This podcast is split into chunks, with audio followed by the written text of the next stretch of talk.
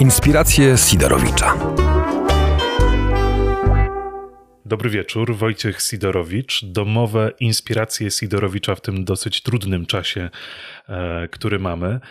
Pozostaniemy w tym momencie w dziennikarskim e, dalej świecie. Będziemy z dziennikarskiego punktu patrzyli na tematy związane zarówno z Polską, ale nie tylko, bo przeniesiemy się również na wschód, ponieważ moim gościem jest e, Tomasz Kułakowski, korespondent e, w Rosji przez wiele lat Polsat News, ale także dziennikarz, który zaczynał swoją pracę w Krakowie, między innymi w Dzienniku Polskim. Cześć. Cześć. Coś skłamałem, czy wszystko się zgadza? Tak, tak, wszystko się zgadza. 7 lat byłem w Moskwie, teraz pracuję w TVN24, a w Krakowie zaczynałem w Dzienniku Polskim. Y, również y, to już taka profesjonalna praca. Wcześniej pierwsze kroki dziennikarskie były w magazynie y, studentów UJ plus Ratio. Czyli rozum wyższy niż siła. Tam były pierwsze szlify, ale to było bardzo dawno temu. No i chyba już ten e, magazyn, z tego co nie obiło mi się uszy, żeby on jeszcze działał. Nie wiem tego. No właśnie, to ciekawe byłoby by działać, bo na pewno radio UJFM e, działa, bo jak e, skończyłeś właśnie dziennikarstwo na Uniwersytecie Jagiellońskim. Tak. To może od tego właśnie zacznijmy, bo jesteś e, absolwentem tylko i wyłącznie dziennikarstwa, a jednak e, odnalazłeś się bardzo w swoim zawodzie, tak jak powiedziałeś. Polsat News, korespondent w Moskwie, teraz TVN24, ale również agencja radiowa, Polskiego Radia, informacyjna agencja radiowa. E, to trochę obala mit tego, że po dziennikarstwie raczej nic, po samym dziennikarstwie raczej nic się nie osiągnie. No, z dziennikarstwem jest problem, ponieważ dziennikarstwo to jest studia, które ukończyłem na UJ. One pozwalają y, liznąć różnych dziedzin. Mieliśmy dużo socjologii, dużo literatury, dużo politologii, dużo również takich rzeczy technicznych, składanie gazety, dziś to się wydaje już absurdalne, y, w programie InDesign, montaż telewizyjny, więc y, dużo rzeczy praktycznych, które się przyznają, przydają w życiu, ale to nie były studia, które mogłyby ciebie rozwinąć głęboko w jakiejś dziedzinie. Dlatego wiele osób ode mnie ze studiów y, jeszcze robiło drugie kierunki. Ja tego nie uczyniłem, gdyż rozwijałem sobie swoją pasję niezależnie od studiów, a tą pasją od początku mojej drogi, już wyjścia z liceum i wyjechania do Krakowa, to była właśnie Europa Wschodnia. Czyli postanowiłeś właśnie skupić się y, prywatnie na tym, właśnie poprzez w jaki sposób właśnie tę pasję rozwijałeś? E? Zaczynało się wszystko od wymian studenckich. To był taki najbardziej naturalny krok. Zakładaliśmy różne organizacje, czy też y, rozwijaliśmy już te istniejące, jak na przykład Koło Wschodnie przy Instytucie Polonistyki na UJ.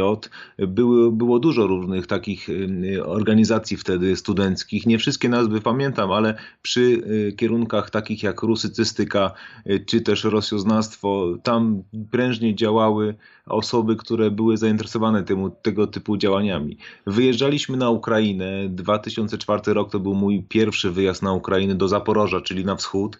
No i od razu ta pierwsza miłość yy, dotycząca tego regionu, bo to jest trochę tak, że można yy, wschód pokochać, albo znienawidzić, albo ambiwalentnie i kochać i nienawidzić. To jest chyba bardzo trudne, bo ja spotykam się z reguły e, z takim mm, podejściem, że Rosja to jest kraj absurdów, ale do tego e, za chwilę będę chciał właśnie wrócić, jak będziemy rozmawiali e, już całkowicie o Rosji. Koło wschodnie to mi brzmi znajomo z rodzinnych różnych informacji, ponieważ jak się okazuje, znasz się bardzo dobrze z moją, znaczy, nie wiem czy bardzo dobrze, ale znasz się z moją siostrą, która również w tym kole wschodnim działała i właśnie również jest zakochana w Rosji, co chyba również trochę na mnie to spłynęło, e, bo jakoś ostatnio zauważyłem bardzo dużo książek o Rosji, czytam. O teraz najnowsza takiego autora Miedwiediewa e, Powrót Wielkiego Lewiatana, czy na przykład Przyszło nam tu żyć, też reporterki, e, która pisze na temat Rosji, więc trochę tych tematów tutaj zostało. Wracając jeszcze do Polski, zanim przejdziemy do Rosji, e, w tym momencie toczy się dyskusja dotycząca wyborów w Polsce. E, I tak naprawdę dzisiaj Sejm obradował tylko i wyłącznie na tematy związane z ewentualnymi wyborami, czy to korespondencyjnymi, czy w zupełnie innej formie. Twoim zdaniem, z dziennikarskiego punktu widzenia, jak to oceniasz? Oceniam to całe zamieszanie, które jest w ostatnim czasie związane z premierem Gowinem, związane z rzekomym głosowaniem korespondencyjnym i całym tym przepychaniem, dopychaniem kolanem tych wyborów 10 maja, wyborów prezydenckich, jako taką próbę y, zrobienia wrzutki politycznej, wrzutki dziennikarskiej, by na jakiś czas odwrócić uwagę opinii publicznej od tego, co się dzieje w związku z walką z koronawirusem bo widać coraz wyraźniej, te sygnały płyną z całej Polski, że służba zdrowia ledwo dyszy. Y, mamy do czynienia z niewydolnością służby zdrowia. Szpitale sobie nie radzą. Lekarze nie mają ochronnych masek, nie mają sprzętu potrzebnego do ratowania ludzi. Szpitale są przepełnione, personel jest przepracowany i mm, to jest pierwsza kwestia. Druga kwestia, mamy problemy z edukacją online. Systemy się zawieszają. Y, nikt nie wie do końca, jak sobie z tym radzić i rodzice muszą poświęcać swój czas, kiedy powinni być teoretycznie w pracy, na naukę z dziećmi. No i nauczyciele też nie do końca się potrafią odnaleźć w tej sytuacji, więc e, te, to zamieszanie polityczne, które jest w ostatnim czasie, ja to oceniam jako taka mm, próba odwrócenia uwagi od tego, co jest naprawdę ważne, istotne, czyli od koronawirusa. Część mediów to podchwyciła, o tym się mówi, o tym się dyskutuje, a tak naprawdę nie wiemy, jaka będzie decyzja e, tej najważniejszej osoby w państwie w sprawie wyborów, bo to e, tego się dowiemy dowiemy pewnie dopiero przed wyborami. Myślisz, że wybory odbędą się 10 maja? Nie wiem, tego nie wiem, naprawdę. To jest bardzo trudno, trudno, trudne do ocenienia, y, bo jest toczona gra wokół tych wyborów. Wiadomo, że z punktu widzenia PiSu byłoby dobrze, gdyby te wybory odbyły się od razu. Dlaczego? Po pierwsze, prezydent Duda ma niesamowitą przewagę w kampanii z racji tego, że jest prezydentem i może przejawiać aktywność. Po drugie, tąpnięcie gospodarcze będzie gdzieś na poziomie lata, jesieni, jak oceniają to eksperci, gdzie ta recesja naprawdę będzie odczuwalna, gdy już opadnie ten kurz epidemii i ludzie zaczną wracać do normalnego życia, wtedy się dopiero uwidocznią problemy w gospodarce, jakie będą duże. Dlatego im później dla y, władzy, tym gorzej z punktu widzenia właśnie kandydata władzy, czyli Andrzeja Dudy. 10 maja to jest również dzień, e, który jest bardzo blisko ważnego w Rosji święta, które się, znaczy nie tylko w Rosji, ale, ale tam jest szczególnie ono e, obchodzone, czyli Wielki Dzień Zwycięstwa, który się odbywa 9 maja. W tym roku mamy okrągłą rocznicę e, od zakończenia II wojny światowej, 75 lat. A Rosja bardzo lubi swoje defilady. Czy w związku z koronawirusem, Twoim zdaniem, ta defilada zostanie odwołana? Rosja bardzo lubi defilady i Rosja bardzo, y, to jest dla Rosji bardzo ważne święto. My w Polsce sobie nie zdajemy z tego sprawy, bo dla nas to jest zakończenie II wojny światowej, dla Rosji to jest coś więcej. To jest wielkie zwycięstwo nad faszyzmem, to jest mhm. wielkie zwycięstwo Rosji, Rosjan, każdego Rosjanina, bo w prawie w każdej rosyjskiej rodzinie był ktoś, kto albo walczył na, front, na froncie, albo zabezpieczał tyły y, frontu, albo pomagał gdzieś, y, budując coś na potrzeby frontu, więc to dotknęło praktycznie każdej rosyjskiej rodziny i każdy ma y, w, swoich, w swojej historii rodzinnej rodzinnej, kogoś, kto był z tą wojną bezpośrednio związany, czy też zginął również na terytorium Polski.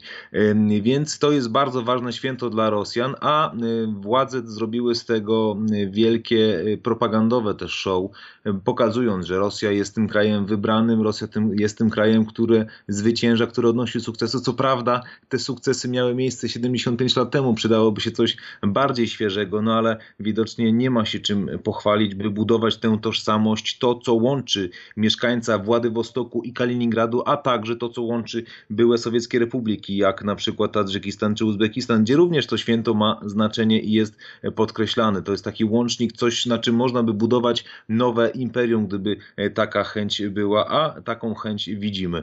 Więc y, parada, y, defilada mm, ma się odbyć, ale tego nie wiadomo. Wiadomo, że są próby które odbywają się w, w podmoskiewskim, na podmoskiewskim poligonie. Tam nawet kilkanaście tysięcy żołnierzy bierze udział w tych ćwiczeniach, więc przygotowania trwają, ale oczywiście zależy to od sytuacji związanej z epidemią, czy uda się ją zdusić, czy nie. Raczej nie. Jeżeli nie, to czy będzie defilada na przykład bez udziału obecności, czy ona zostanie przeniesiona, to są decyzje polityczne, które będą podejmowane ad hoc. No ale z Twojego doświadczenia tych kilku lat e, w Rosji e, i jesteśmy w nadzwyczajnej sytuacji, jednak jak mówisz mi o tym, że 12 nawet tysięcy żołnierzy ćwiczy na poligonie, biorąc pod uwagę to, jak my się izolujemy w tym momencie w związku z pandemią, e, to Twoim zdaniem rzeczywiście taki scenariusz jest możliwy, że ta defilada, ten dzień zwycięstwa zostanie przyłożony? Oczywiście, to jest możliwe, to jest decyzja polityczna. Władimir Putin w swoich orędziach niedawno do narodu mówił, że zdrowie y, ludzkie i życie ludzkie jest na pierwszym miejscu. To jest kluczowe. To jest nawet ważniejsze niż to święto yy, zwycięstwa to nie chodzi tylko o defiladę. Chodzi o na przykład wielki marsz, który odbywa się w Moskwie i w wielu ulicach, tak zwany Marsz Nieśmiertelnego Pułku, gdzie ludzie maszerują ze swoimi, ze zdjęciami swoich przodków, którzy właśnie walczyli na froncie. To gromadzi miliony ludzi w całej Rosji. Nikt sobie nie będzie mógł pozwolić na organizację takich wydarzeń, gdy będzie epidemia wirusa, nawet w Rosji. Zresztą prognozowanie y, dotyczące tego kraju jest y, niewdzięczne, bo to jest kraj autorytarny decyzje podejmowane są w wąskim grobie, gronie, y, często wręcz y, towarzyskim, w towarzyskim kluczu. To jest prognozowanie tak samo jak związane z epidemią koronawirusa. Bardzo niewdzięczne zadanie. Tutaj to słowo, że w, w wąskim grobie może być, można się na, to, na tym zaczepić akurat pod względem tego, co mamy. E, pewnie zdarzyło ci się uczestniczyć, na pewno jako dziennikarz w takiej defiladzie e, to jest przeżycie, zobaczyć taką defiladę Dzień Zwycięstwa, te wszelkie pojazdy, te wszelkie pociski, które tam są prezentowane. Tak, oczywiście to budzi wrażenie. To budzi wrażenie, jak się to ogląda w telewizji, ale to budzi wrażenie, gdy się słyszy ryk tych e, wszystkich pojazdów wojskowych, e, ryk e, samolotów, które przelatują nad Moskwą tego dnia. Również jak się widzi reakcję tych ludzi, ludzi, którzy fanatycznie reagują na widok czołgów, małe dzieci, przebrane w mundury NKWDzistów, czy też po prostu żołnierzy. To jest niesamowity widok. To jest naprawdę ci ludzie, ludzie odczuwają ogromną dumę z tego, że to się wydarzyło, z tego, że Rosja zwyciężyła w II wojnie światowej, aczkolwiek to od samego początku było zafałszowane święto. Wciąż Rosjanie nie wiedzą, nie znają przebiegu II wojny światowej, mało wiedzą o pakcie Ribbentrop-Mołotow, mało wiedzą o tym, ile trudu kosztowało Związek Radziecki wygranie Y, nad Hitlerem, ile to kosztowało żyć ludzkich, ile to kosztowało też pieniędzy. Y, to są rzeczy, o których się nie mówi, jest wielkie zwycięstwo, na tym się skupiają, na właśnie tym heroicznym wysiłku ludzi, takich zwykłych ludzi jak, jak ci soldaci, którzy szli między innymi przez Polskę na Berlin. W tym momencie właśnie ta sytuacja na świecie jest bardzo niepewna, więc jeżeli ta defilada e, miałaby się odbyć, to też dla mnie jest bardzo wątpliwe. Ale wspomniałeś o tym, że e, Putin mówi, że zdrowie obywateli jest najważniejsze. Jednak Rosja, mam wrażenie, że dosyć późno e, w ogóle zaczęła doceniać powagę sytuacji, doceniać to, jak ten wirus jest rzeczywiście trudny. I tak i nie. Rosja była krajem, który jako pierwszy wprowadził ograniczenia związane z ruchem między Rosją a Chinami. Wiadomo, że Rosja graniczy z Chinami. Jeszcze w styczniu, pod koniec stycznia Rosja zamknęła granice z Chinami. Później zawieszono połączenia lotnicze, kolejowe, więc w pierwszej fazie Rosja się naprawdę spisała, jeśli chodzi o zabezpieczenie się. Tylko paradoksalnie ta pandemia, epidemia przyszła do Rosji nie ze wschodu, ale z zachodu, poprzez turystów, którzy wracali z Włoch, którzy latali po całej Europie, lądowali na potężnych moskiewskich lotniskach, które dziesiątki tysięcy pasażerów obsługują, więc to jest coś, co mogło przyczynić się do rozprzestrzenienia tej choroby. No i taka pewność władz, w tym początkowym okresie, mówię o pierwszej połowie marca, że e, to nas nie dotyczy, to nas nie ominie, to nas ominie, e, to jest problem Zachodu, Włoch, a nie Rosji. No jak się okazuje, jest to problem również Rosji. E, liczba zakażonych jest teraz większa niż w Polsce już. coraz więcej osób umiera. No i tak naprawdę nie wiemy, jakie są te prawdziwe liczby, bo są podejrzenia wśród opozycji niezależnej pracy, że Rosja fałszuje wyniki testów, zaniża liczbę zachorowań, zaniża liczbę osób, które zmarły wskutek koronawirusa. Mówi się na przykład o jakimś zapaleniu płuc, czy też zwykłej grypie. Dzisiaj, jak się zatrzymałem na liczbie, która mm, ona już pewnie wzrosła, ja się zatrzymałem na liczbie prawie 6,5 tysiąca zakażonych w tym momencie. E, dzisiaj rano, jak obserwowałem, to było też prawie tysiąc nowych e, zachorowań, ale biorąc pod uwagę to, jak Rosja jest wielka, e, to rzeczywiście nawet jeżeli odstawiając tą teorię, że może coś fałszują, to Rosja w ogóle jest w stanie rzetelnie e, zbadać swoich obywateli, sprawdzić, ile tak naprawdę tych osób jest zakażonych? Te, te liczby w ogóle w jakiś sposób mogą być wiarygodne? To znaczy, y, w Rosji bardzo łatwo zbadać, kto y, się kontaktował z osobami y, z zagranicy, kto wyjeżdżał z zagranicy, bo to nie jest dużo osób wbrew pozorom. To jest statystycznie co dziesiąty Rosjanin raz w roku wyjeżdża za granicę i zwykle to są te same osoby. Więc tych ludzi naprawdę nie jest dużo. Są całe regiony w Rosji, gdzie nie ma nawet wyjazdu poza najbliższą miejscowość czy też miasto obwodowe, więc w takich miejscach miejscach ryzyko zagrożenia nie jest duże. Oczywiście y, największe jest y, tam, gdzie są duże lotniska, duże skupiska ludzi, duże miasta, czy to w Syberii, czy to Petersburg, czy jakiś Nowosybirsk. Y, szczególnie te miasta, które mają regularne połączenia lotnicze z Moskwą, bo to w ten sposób się wszystko przenosiło. Więc y, to nie jest problem ogólnorosyjski, to jest problem większych metropolii i to jest problem przede wszystkim Moskwy, bo najwięcej zakażonych jest w Moskwie i w mhm. obwodzie moskiewskim. No rzeczywiście, bo też e, e, wiele tych obszarów w Rosji jest niemożliwych do tego, żeby tam się chociażby dostać łatwo. Czeka się na połączenia lotnicze e, bardzo często. Miałeś taką sytuację, że musiałeś, żeby się gdzieś dostać, czekać na lot akurat, helikoptera na przykład, czy jakiegoś samolotu? No nie, nie, nie. Helikopterami po Moskwie nie latałem, y, po Rosji. Y, samolotami owszem, ale nigdy nie było takiej sytuacji, że, że musiałem czekać. Ale na przykład y, w, w okresie mundialu było tak, że y, z miast, które były oddalone od siebie kilkaset kilometrów, mowa o Wołgogradzie i Kazaniu, y, trzeba było się dostać z przysiadką w Moskwie, bo tak to w Rosji funkcjonuje. Moskwa jest centralizowana, Rosja jest centralizowana, wszystko się dzieje w Moskwie i nawet jak chcesz z jednego miasta do drugiego lecieć, to często trzeba lecieć właśnie przez Moskwę. To jest też odpowiedź, dlaczego ten wirus się może tak rozprzestrzeniać po całym kraju. Nie tylko 75. rocznica jednak e, odbywa się w tym momencie, będzie się odbywała w Rosji, e, zakończenia II wojny światowej, ale również święto, które, czy święto, dzień ważny dla, na pewno dla części Polaków, jakim jest rocznica 10. katastrofy e, smoleńskiej. Czy w Rosji przygotowywano się również w jakiś sposób do tego, jeszcze zanim ta pandemia wybuchła, do, tego, do tej daty? Absolutnie nie. Jedyne, co Rosja robiła w tym kierunku, to była pomoc Polakom, polskiej delegacji rządowej, która chciała, jak wiemy, lecieć do Smoleńska i Katynia mhm. 10 kwietnia. Te wizyty zostały odwołane. O tym niedawno mówił minister Dworczyk. Więc y, jedyne kroki, jakie podejmowała Rosja, to było umożliwienie y, polskiej delegacji przylecieć, przy, umożliwienie polskiej delegacji, bo mogła przylecieć do Smoleńska i do Katynia. Tyle tylko, że w, w sytuacji epidemii, pandemii, gdy częściowo, czy też całkowicie nawet obwód smoleński jest wyłączony, to to nie jest czas na takie wizyty. No, z tym się trzeba pogodzić. Natomiast dla Rosjan sprawa smoleńska, katastrofa to jest temat dawno zamknięty i zapomniany. I tylko Rosjanie mają do nas pretensje, że my co rusz wymyślamy nowe wersje w Polsce i co rusz tylko oskarżamy Rosję o spowodowanie tej katastrofy. Ale tam się tak też mówi wśród ludzi samych, nie tylko wśród polityków, ale też wśród samych mieszkańców Rosji, właśnie, że, że my wymyślamy sobie te, te różne teorie.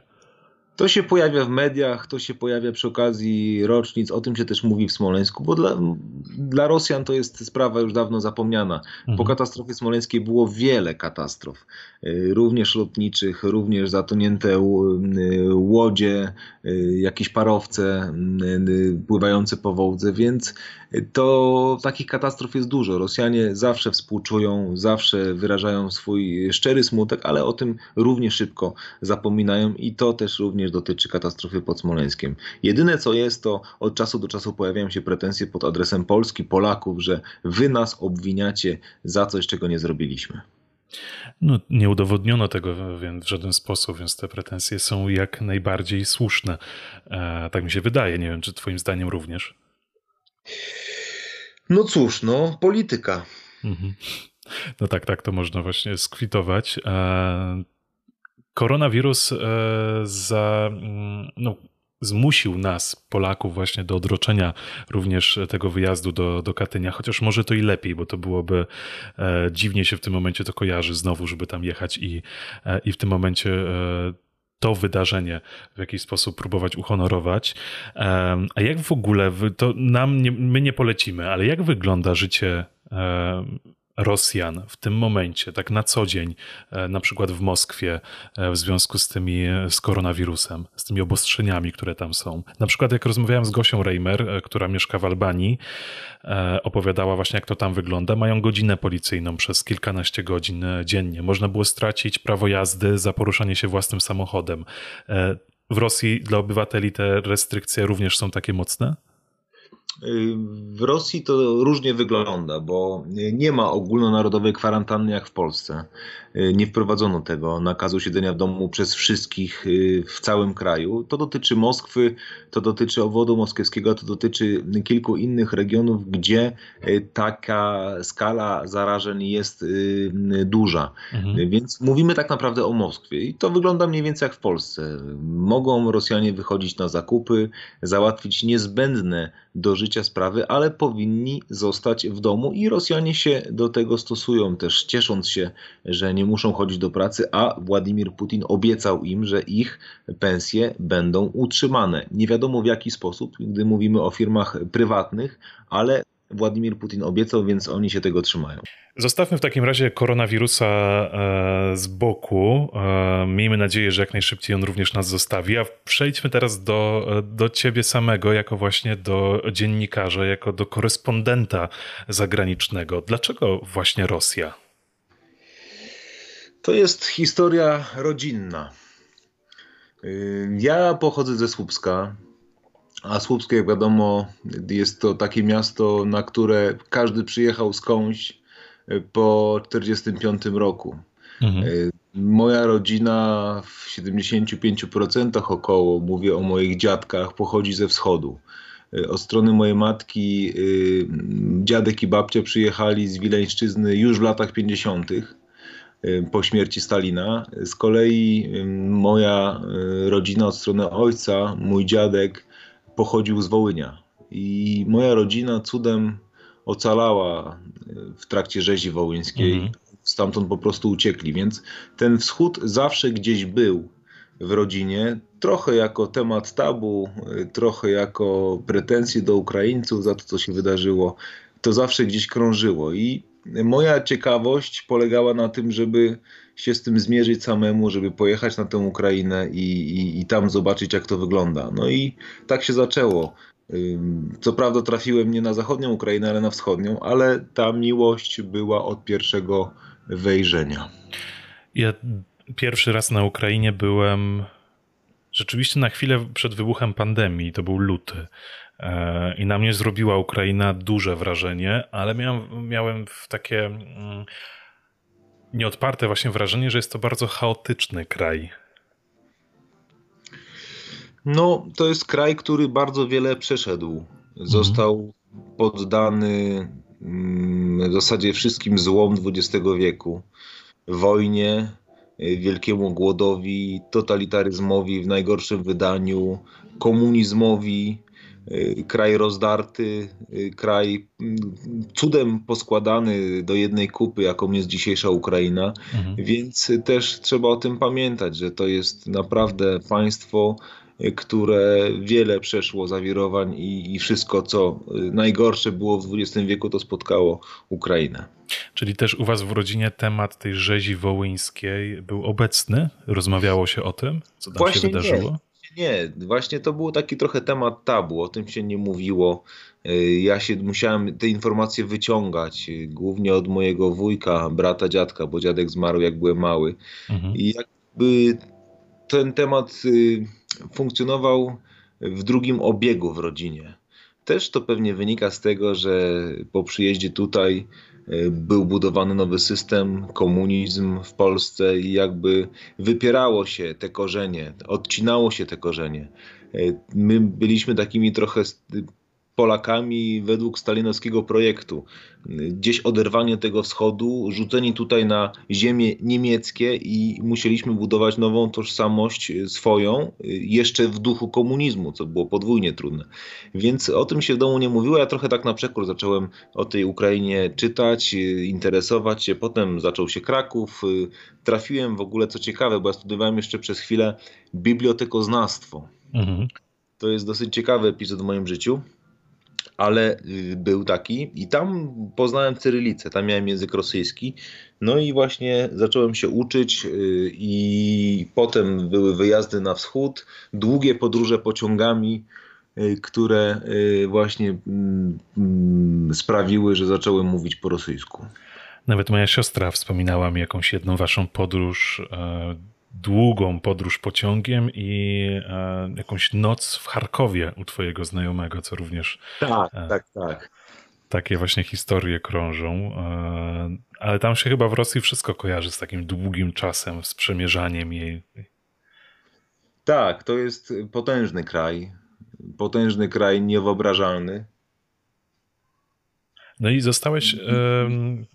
Słyszymy się, czy nie? Tak, tak, tak. A, tak. okej, okay, bo coś miałem wrażenie, że się tutaj taką mamy, e, takie mamy warunki rozmowy, e, no ale jakoś trzeba sobie z tym radzić. E, to już wiem dlaczego Rosja, wiem dlaczego Wschód, a skąd u ciebie zainteresowanie dziennikarstwem? Mm, wiesz co, y, możemy jeszcze dokończyć za chwilę, bo mam kolejny tutaj y, problem. Dziecko woła i muszę podejść zobaczyć. Oczywiście. To już nie będę pisał, tylko zadzwonię, dobra? Dobra, dobra. No. Ja jestem. Do trzech razy sztuka. Do trzech razy sztuka.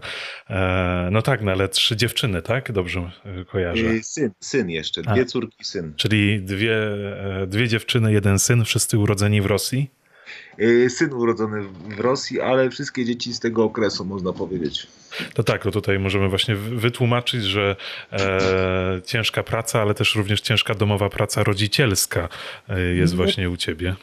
No tak, ale to też, to też jedno uzupełniało drugie, bo praca korespondenta to jest trochę niewdzięczna praca, ponieważ jesteś w pracy cały czas i mhm. tak naprawdę spadnie samolot, coś się zapali, Putin coś powie i zabiją kogoś, y, opozycyjnego polityka i jesteś w pracy. Mhm. Nie znasz dnia ani godziny, ale z drugiej strony też ta praca daje wiele y, takich y, możliwości bycia z dziećmi, przebywania z rodziną w momencie, gdy się po prostu nic nie dzieje zwyczajnie w świecie, albo gdy dzieje się bardzo dużo w Polsce, a w ostatnich latach się dużo działo i wtedy no, nikogo nie interesuje, co się dzieje w Rosji, gdy płonie nasz dom, więc no, to też pewnie jest odpowiedź, skąd tyle tych dzieci.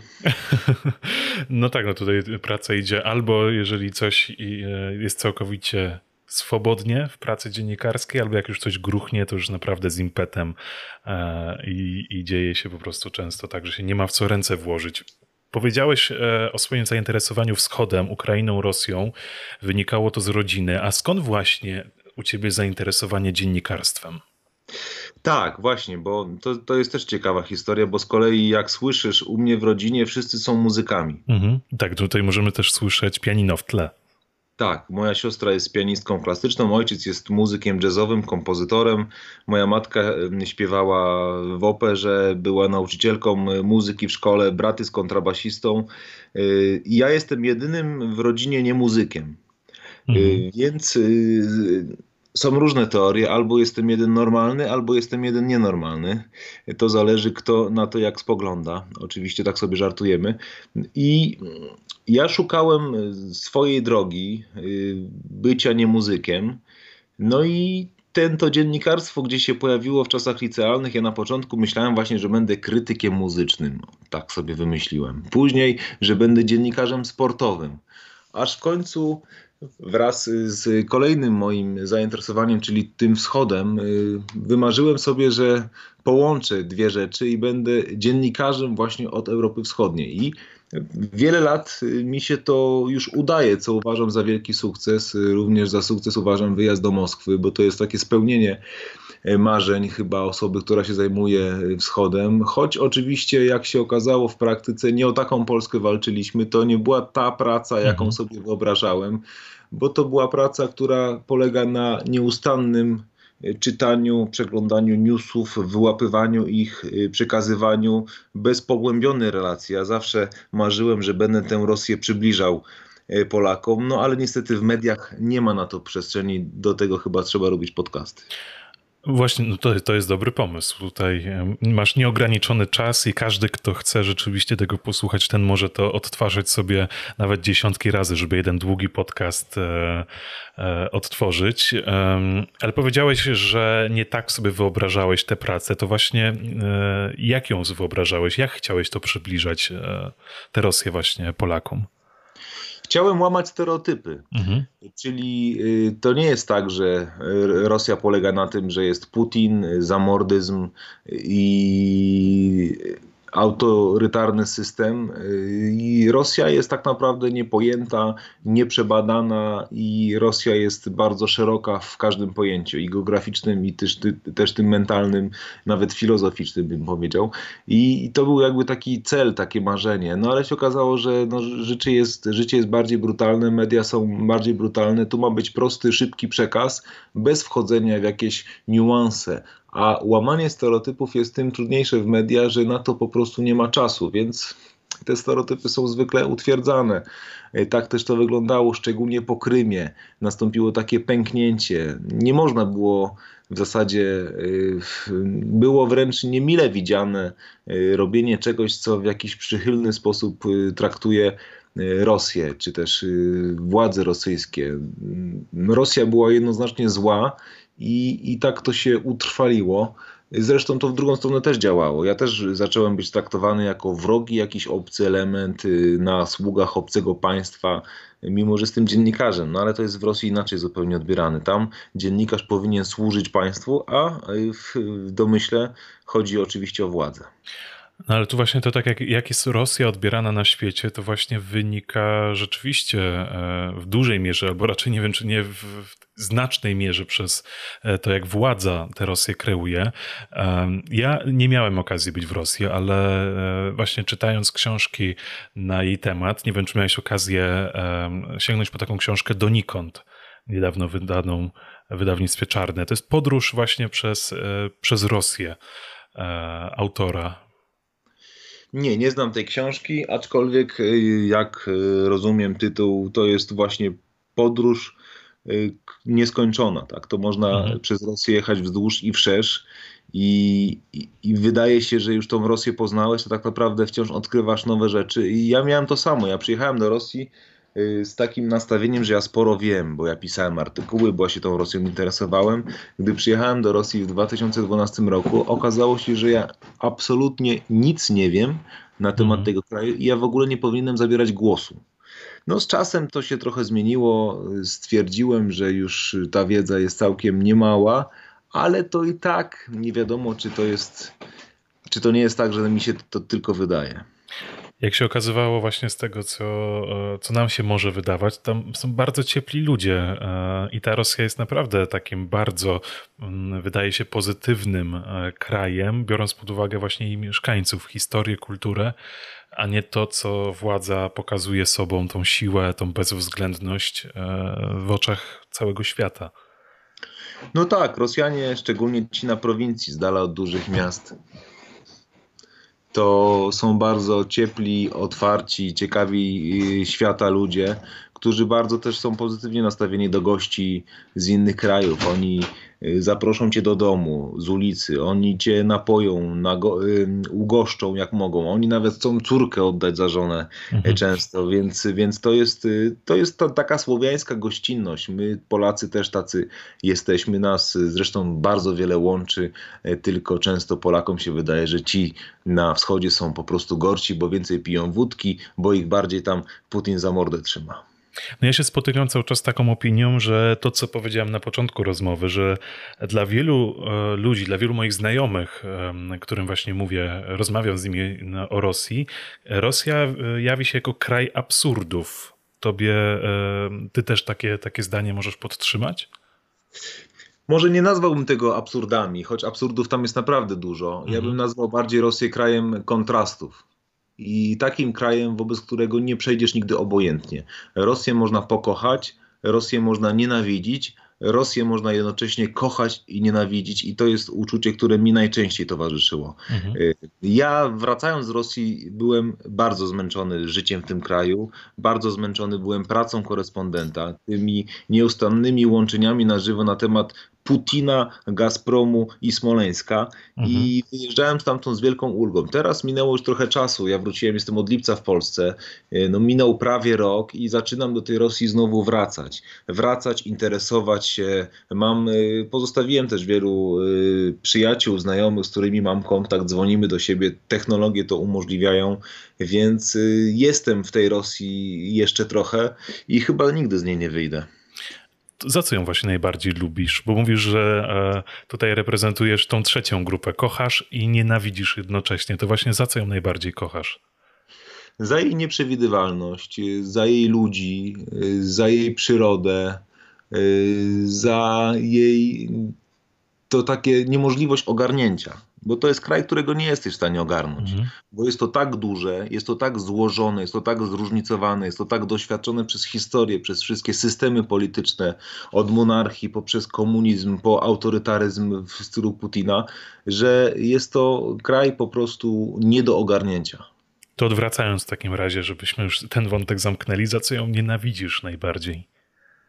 W zasadzie za to samo. To jest, to jest tak, że, że często sobie nie mogę poradzić z tym ogromem. Często nie rozumiem tej polityki, tego, co się tam dzieje. Często zaskakuje mnie ludzie, którzy są y, nastawieni wrogo, czy też jakoś nieprzyjemnie, y, czy też za to, że tam jednostka ludzka jest niczym, jest, człowiek jest nikim, człowiek jest tylko elementem ogromnej statystyki. Tam nigdy nie był szanowany człowiek, tam nigdy żadna władza nie, nie działała w interesach ludu. Zresztą gdzie działa, to jest inna sprawa. No. To jest y, kraj, który jest męczący pod kątem biurokracji. Moskwa pod kątem przemieszczania się. 12-13 milionów ludzi, korki, zła energia, zła energia tych ludzi, którzy są ciągle zdenerwowani, którzy ciągle muszą gonić za tym pieniądzem.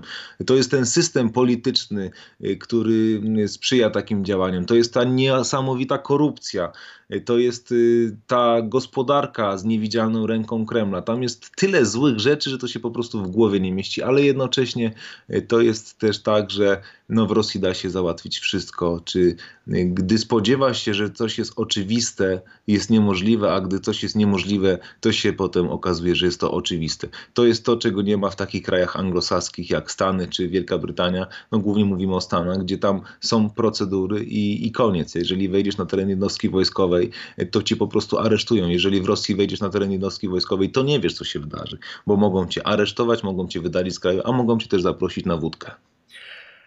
Byłeś aresztowany. W sumie byłeś aresztowany na Rosji, czy już w, Rosji, czy jeszcze na Ukrainie? Bo... To nie było aresztowanie, to, to mhm. było zatrzymanie.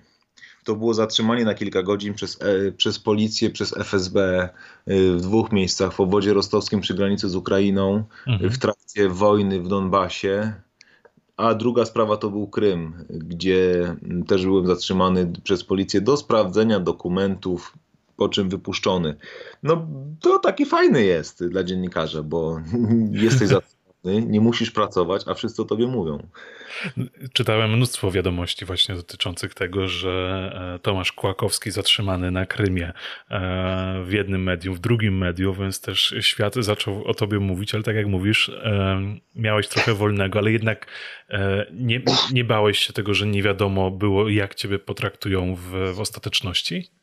Nie bałem się, bo jakkolwiek, mm, jeśli chodzi o obywatela Rosji, władza może z nim zrobić co chce i mhm. nikt się nim nie przejmie. Może zrobić mu wielką krzywdę, może ktoś mu zrobić wielką krzywdę, a ten ktoś ma jakieś relacje z władzą, czy też ma pieniądze, żeby siebie wykupić i obywatel rosyjski jest bezbronny. Osoba będąca z zagranicy, korespondentem akredytowanym przy, przy, przy MSZ-cie, władze tam nie mogą sobie pozwolić na to, by pół włosa mi spadło z głowy.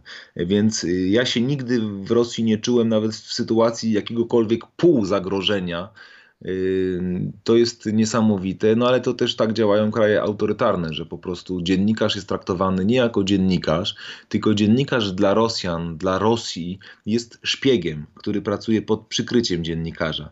I ja miałem nieustannie opiekę, telefony były podsłuchiwane, komputery mi się paliły regularnie. Spaliłem kilka laptopów, aż w Polsacie już kierownictwo na mnie ostrzyło noże, co ja z tymi komputerami robię. Jeżeli taka sytuacja się powtórzy, to będą wyciągać konsekwencje finansowe. Aczkolwiek po prostu one się paliły, bo były bardzo mocno przeciążone czymś, o czym ja nie wiedziałem. Y, wchodzono mi do mieszkania, y, gdy byłem na wakacjach w Polsce, więc to jest kraj, który, no te służby, o tym się mówi, ale to wszystko funkcjonuje tam na porządku dziennym, więc jako dziennikarz, agent polskiego wywiadu w domyśle, tak, mhm. który pojechał sobie na granicę y, y, nieprzypadkowo przecież, tylko zbierać informacje wywiadowcze, no jest podstawą opieką i nic nie mogłoby mi się tam stać. Aczkolwiek miałem jedną sytuację bardzo niekomfortową, właśnie tam na pograniczu rosyjsko-ukraińskim, obwód rostowski, 2015 albo jeszcze 14 rok. Y, nie pamiętam, te, te lata tak szybko mhm. leciały, gdy jechał ten słynny biały konwój tak, do, tak do Donbasu pierwszy. Y, wtedy filmując na, y, to był 14 rok, filmując na y, ulicy przejeżdżającym jakąś kolumnę wojskową, zatrzymał się samochód bez tablic rejestracyjnych, wysiedli panowie ubrani na zielono, i naprawdę mi zaczęli bardzo poważnie grozić, że mnie odstrzelą, yy, nikt się o mnie nie upomni. Oni byli stamtąd, domyślam się, że oni byli z Donbasu, po prostu przyjechali załatwić jakieś sprawy, a jeździli numerami bez tablic, bo na to było przyzwolenie. Mhm. Yy, więc wtedy było naprawdę, raz, raz tylko się bałem w Rosji, a tak yy, poza tą sytuacją to nigdy w swoim właśnie tym zawodowym życiorysie masz e, coś, co e, tak kolokwialnie mówiąc mnie bardzo jara, e, czyli właśnie wyjazd jako korespondent również właśnie na Krym w trakcie tych wydarzeń, które, które tam się odbywały. Jak ty widziałeś tą sytuację swoimi oczami wtedy? Ja nie byłem w trakcie tych mhm. wydarzeń.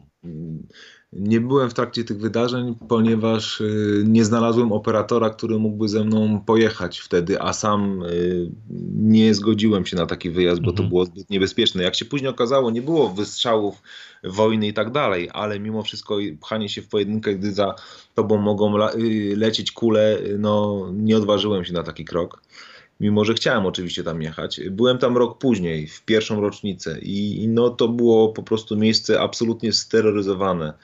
Steroryzowane przez, y, przez y, służby siłowe, tak zwanych siłowików, przez te różne resorty, od policji, FSB, różne jakieś tam brygady samoobrony. Ludzie byli steroryzowani i, I to było niesamowite. Też rozmawiałem z Tatarami krymskimi, którzy, których gdzieś tam bliscy zagi, zaginęli, musieli wyjechać, opuścić, zostawić swoje biznesy. No to było wielkie doświadczenie i to pokazywało tak naprawdę prawdziwą twarz Rosji. W Moskwie oczywiście mm, jest inaczej, ale tam, gdzie jest walka o y, wielkie interesy, tam, tam widać tą moc tego państwa. Ale to jest dalej absurd. Po co tak wielkiej Rosji e, takie małe miejsce, no nie? Czyli, e, czyli po prostu, żeby jak najwięcej dla siebie zagarnąć i pokazywać tą potęgę. To nie chodzi o ziemię, to mhm. chodzi o zasady. To no chodzi właśnie. o zasady. Y, urojone zasady, y, jakieś próby wstania z kolan.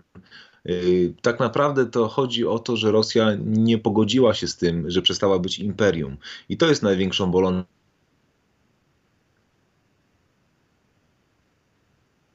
No coś nas tutaj przerwało. To powiedz, gdzie mam powtórzyć? E, że to jest największą bolączką, że, e, że no, przerwało nas, więc wróćmy, że tak. Rosja nie pogodziła się z tym, że przestała być imperium. Tak, no to jest największą bolączką Rosji, że ona się nie pogodziła z tym, że przestała być imperium. Y, poradziła sobie z tym Francja, poradziła sobie z tym Wielka Brytania, a Rosja nie. Rosja utraciła bardzo wiele w XX wieku. Y, zresztą sam Putin nazwał upadek ZSRR jako największą katastrofę geopolityczną XX wieku. Y, straciła ogromne terytorium, straciła tak naprawdę największe oprócz obok Ameryki wpływy w świecie. I ona z tego y, cały czas żyje w tej traumie.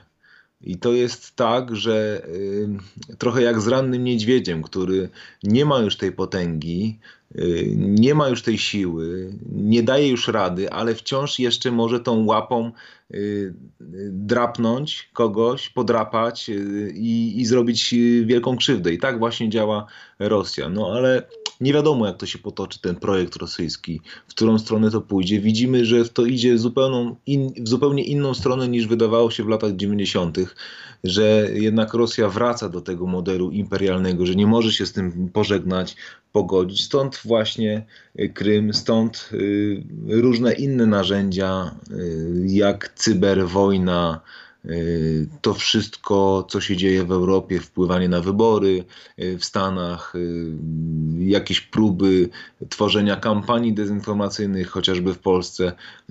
Są inne narzędzia, ale cele są w zasadzie niezmienne. Rosja chce wciąż dominować, przynajmniej w Europie. To jest taka droga donikąd. Miałeś styczność z taką sytuacją. To jest w ogóle mnie bardzo zafascynowało. Dowiedziałem się o tym niedawno. Zakaz chociażby kupowania serów e, z zagranicy, bo ser jest właśnie przykładem takiej, takiej e, e, czegoś, co, co pochodzi z zupełnie innego świata, a my mamy swoje. To jest jedna rzecz. A dwa, palenia takich przenośnych, e, mobilnych krematoriów dla produktów, które palone były tam produkty e, zagranicy.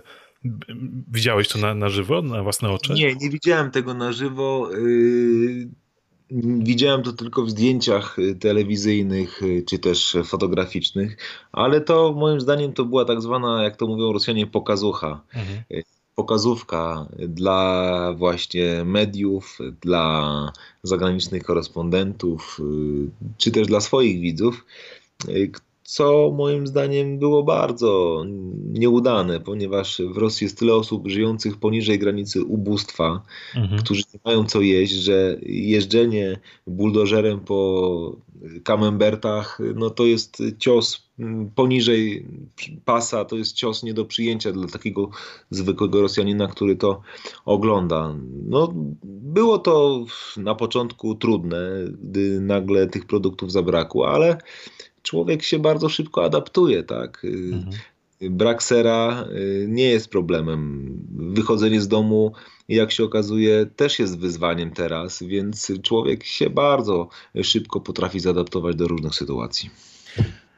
A ty się zaadaptowałeś już do powrotu do Polski po tych siedmiu latach? Myślę, że jeszcze nie, że.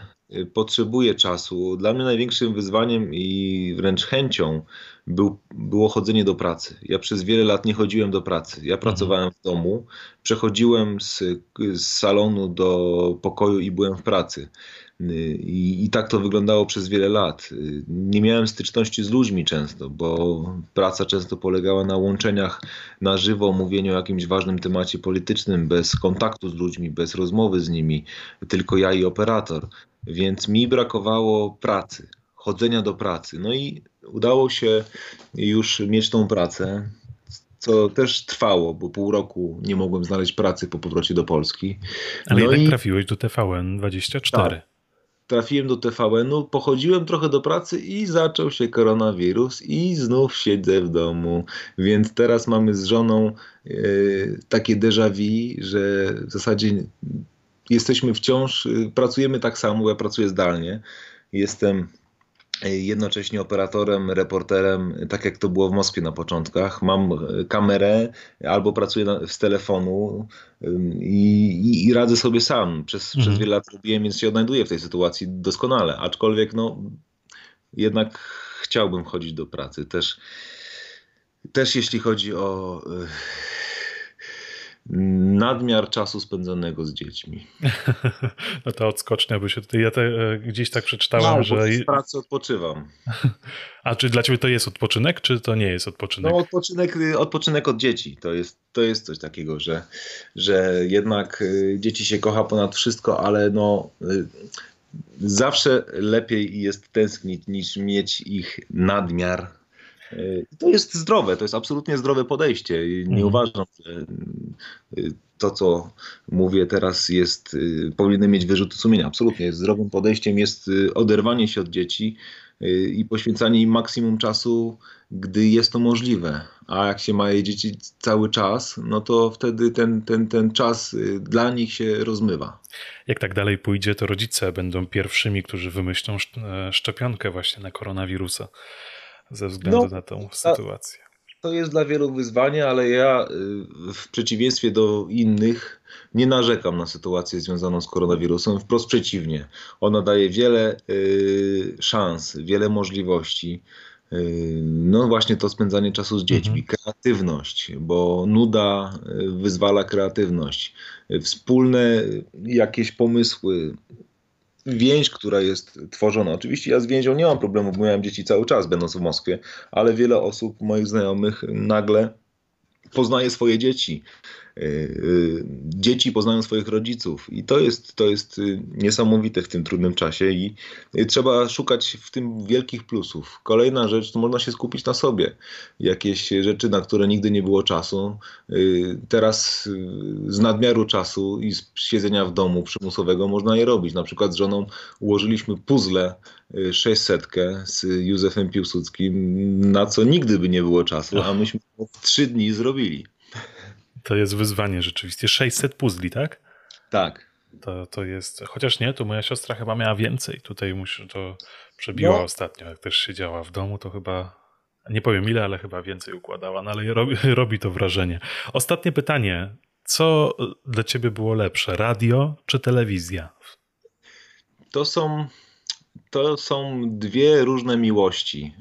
To jest y, y, radio, ja, ja kocham radio i ja tęsknię do radia i ja słucham radio, słucham trójki, choć to ostatnio nie jest w trendzie, ale no ja słucham tej trójki, bo trójki zawsze słuchałem, zawsze ja się na trójce wychowałem i, i ta trójka jest cały czas. Za radiem tęsknię, tak. Radio daje niesamowitą możliwość opowiadania obrazu słowem. Y, to jest wielka umiejętność, którą trzeba rozwijać. Jak się y, nie pracuje na co dzień w ten sposób, to, to trudno tak po latach y, zacząć znów opowiadać obraz, którego nie widać. Ale jest radio piękne, to jest piękne medium. Z kolei telewizja to jest siła obrazu. I tutaj często wiele zależy od tego, jak, jakie twój operator zrobi zdjęcia i jak ty pod te zdjęcia zbudujesz swoją opowieść. Więc telewizja też jest fascynująca i też ona przetrwa w jakiejkolwiek formie. Czy to będzie telewizja w komputerze, w telefonie, czy to będzie telewizja w telewizorze. Te dwa, te oba, med, y, oba media, jeżeli można tak powiedzieć, mhm. i telewizja, i radio przetrwają, skoro przetrwały przede wszystkim radio tyle lat. Jak się okazuje, można mieć telewizję zarówno w laptopie, w tablecie, w, w telefonie, można nawet słuchać telewizji, e, ale i telewizję można teraz robić bez konieczności bycia w studio. I tutaj wirus e, pokazuje nam zupełnie nowe możliwości. Internet daje możliwość robienia radia mm, z domu. Mm, to jest też fajne, właśnie podcasty, to co się tak niesamowicie rozwija. Wydawało się, że wszystko idzie w kierunku tego, tej tabloidyzacji, tego mhm. obrazka migającego bardzo szybko, a jednak nie, jednak ludzie potrzebują treści, ludzie potrzebują informacji, ludzie potrzebują pogłębionej wiedzy, na dany temat i, i to jest właśnie fajne. To jest szansa dla wielu osób z pasją, takich jak ty, którzy mogą te rzeczy rozwijać. Ja też długo myślałem o tym po powrocie do Polski, jakiś podcast, jakiś y, własny projekt. Tyle tylko, że problem ojca trójki dzieci polega na tym, że jednak trzeba zarabiać pieniądze, a projekty internetowe, one się długo rozwijają. Jak się rozwiną, to wtedy zaczynają przynosić jakieś pieniądze, ale jakieś, podkreślmy, a też już jest rynek nasycony różnego rodzaju projektami. Ci, co zaczynali lat temu 10, jeszcze 5, to teraz y, już y, mają duże zasięgi, ale wchodzenie w, w świat podcastów, YouTube'a, jakichś projektów internetowych, no już jest obarczony dużym ryzykiem i wymaga dużej odwagi. No ja na swoim przykładzie dużo na tym nie zarabiam, jeżeli e, w ogóle cokolwiek, e, ale na przykład takim profitem jest to, że dzisiaj otworzyłem skrzynkę na listy i tam znalazłem kartkę od jednego ze swoich słuchaczy, który, który właśnie prowadzi galerię sztuki i również e, wysyła jako, jako firma te kartki. To było dla mnie bardzo miłe, że... Okay to też nie chodzi tylko w życiu o pieniądze. Jeżeli to ciebie rozwija wewnętrznie, a masz źródło y, przychodu, to, to jest ok, to, to, to warto takie rzeczy robić. Ja też y, zachęcam y, czy młodych ludzi, studentów dziennikarstwa, czy, czy inny, innych studentów, czy też po prostu młodych ludzi do robienia rzeczy, które wynikają z potrzeby, z pasji. Tak jak ja zaczynałem właśnie jak ja pracowałem w tym dzienniku polskim, mhm. to dla mnie priorytetem było nie napisanie y, artykułu o przysłowiowej dziurę, dziu, dziurze w drodze, tylko właśnie wyjazd za jakieś własne studenckie pieniądze gdzieś na Ukrainę, żeby relacjonować jakieś tam wybory parlamentarne, które tak naprawdę nikogo w Polsce nie interesują. I ja potem czekałem z biegami na twarzy na ten króciuteńki artykuł z tego Charkowa i potem dostawałem za to kilkadziesiąt złotych, ale jednak y, jednak. Y, to, co szedłem, dla ciebie to wniosło, to jest ta wartość. Szedłem, szedłem tą drogą. Szedłem mhm. tą drogą, aż kulminacją był wyjazd do Moskwy i, i spełnienie marzeń moich. Y, gdy ja oglądałem szerokie tory Barbary Włodarczyk w latach dwutysięcznych, na początku lat dwutysięcznych, to takie słynne reportaże. Mhm. Z właśnie z krajów byłego ZSRR. Ja marzyłem, by tam pojechać. A, a Wielkie się... tory, tak to się nazywa? Szerokie, szerokie, szerokie tory. tory. też sobie zapiszę. E, I to się, to się y, marzenie zrealizowało, więc warto mieć marzenia i czasami y, nie należy myśleć o pieniądzach. One, one są albo nie ma. Teraz wiele ludzi, którzy ma miliony, którzy mają miliony którzy mają niesamowite pieniądze i dobra materialne, też muszą siedzieć w domu. No więc czasami warto słuchać tego głosu serca.